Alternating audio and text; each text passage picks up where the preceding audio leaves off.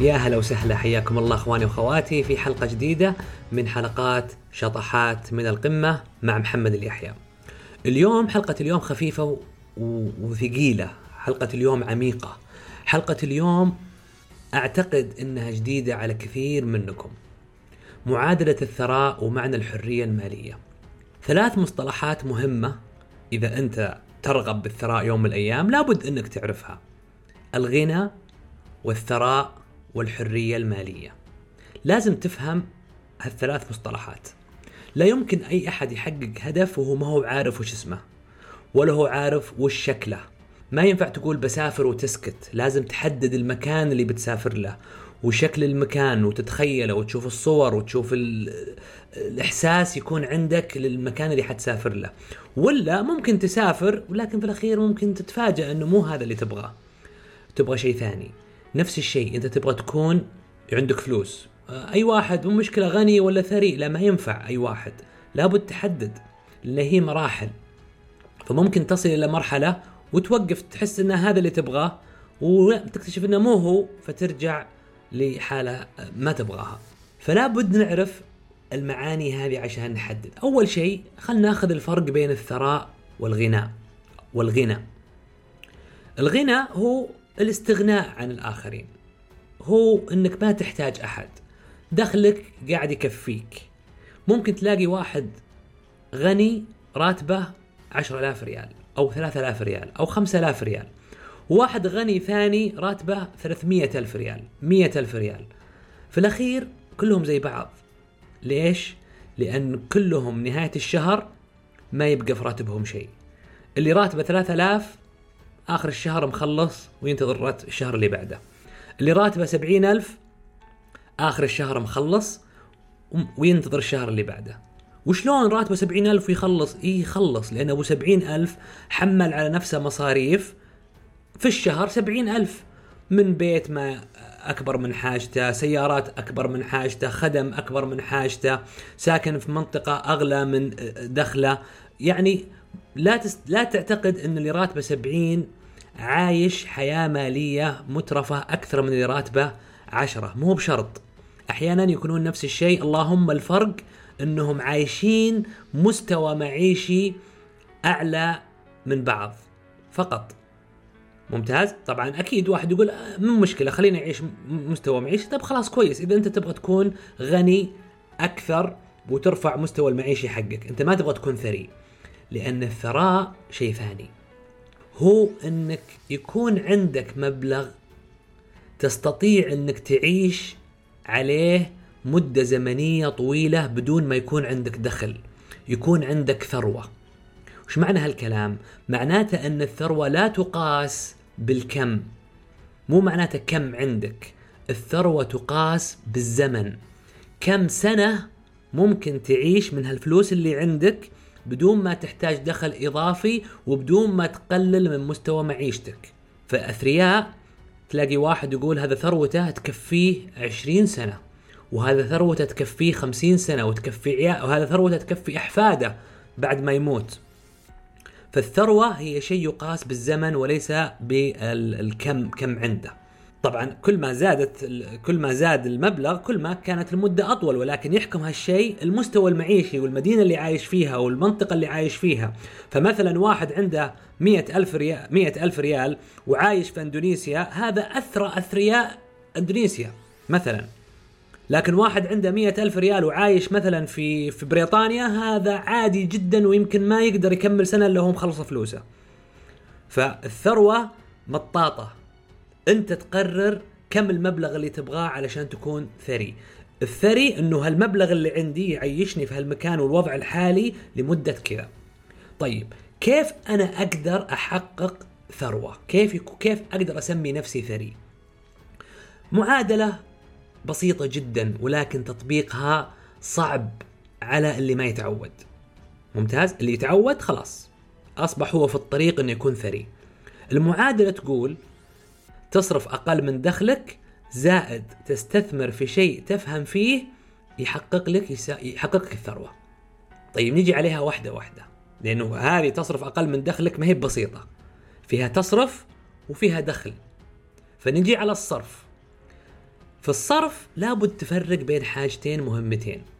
تفرق بين حاجاتك وبين رغباتك. حاجاتك هي الأشياء اللي لابد منها عشان تعيش. أكل شرب مسكن نقل ملبس تعليم وادخار. وكلمة ادخار هذه يحطوا تحتها خط لأن الناس يدخرون الباقي من الراتب. خطأ. أنت مفترض الادخار هذا تعتبره مصروف شهري. هذا الادخار كأنه أكل. لابد تدخر. غصب. أول ما ينزل راتبك هالمبلغ لازم أدخره. هذا المبلغ أصلا مو بلي كأنه مو من ضمن راتبك. والأكل والشرب والمسكن والنقل والملبس تاخذ حاجتك منها. تجي عاد بعدها الرغبات. إحنا ما نقول نحرم أنفسنا لا. أنت لازم ت... لا تعيش بعقلية فقير. أنت لازم تعيش بعقلية غني عشان تعود عقلك الباطن إنك أنت ما أنت في حاجة مستمرة. فتعطي نفسك بعض الرغبات حقتها بالمنطق وبالعقل. الرغبة وش هي؟ أي شيء ممكن تأجيله وما يأثر وجوده في حياتك. يعني تقدر تعيش بدونه. وعشان أحيانا الواحد ينسى يحسب إنه يحتاجه وهو أصلا ما يحتاجه. عشان تتأكد أحيانا بعض الأشياء ما أنت ما تدري أنت تحتاجها ولا فعلا هي ولا هي رغبة. لو جيت تشتري الشيء وأنت ما أنت متأكد لا تشتريه على طول.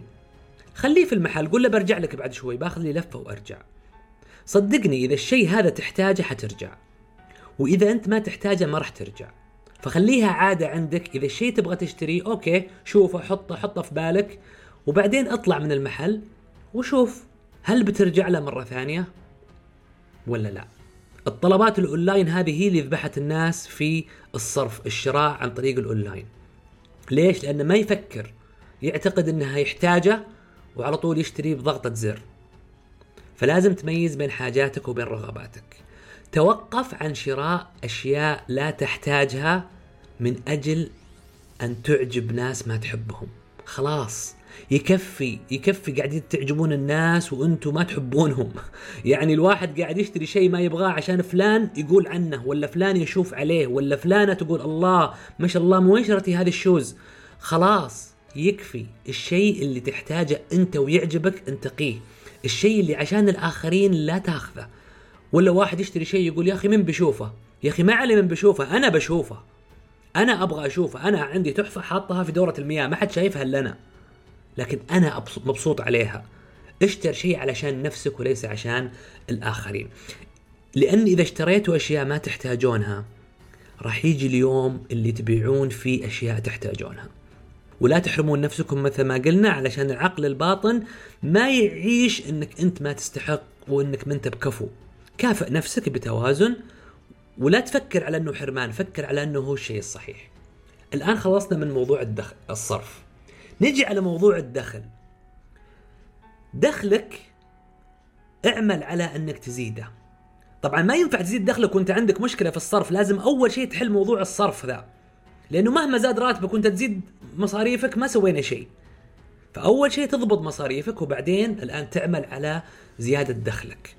طور نفسك في وظيفتك. احصل على وظيفة أخرى part time اعمل على أن يكون مصدر دخلك تحت سيطرتك. مو غيرك اللي يتحكم فيه.